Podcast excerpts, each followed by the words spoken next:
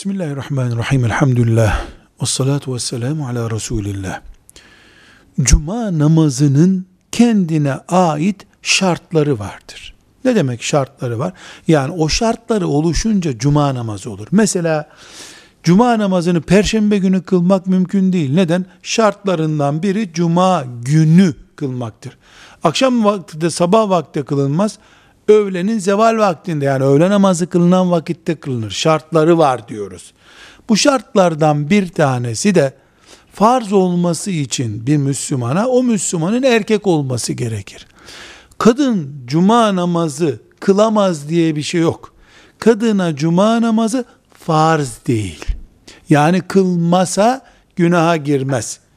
Oturup evinde öğle namazını kılar. Ama iyi bir imkan oluştu. Ee, bir mahremiyet sorunu olmadan cuma namazı kılabilecek bir camisi var. Gitti cuma hutbesini dinledi, cuma namaz kıldı. Ay Allah mübarek etsin denir. Ne güzel iş denir.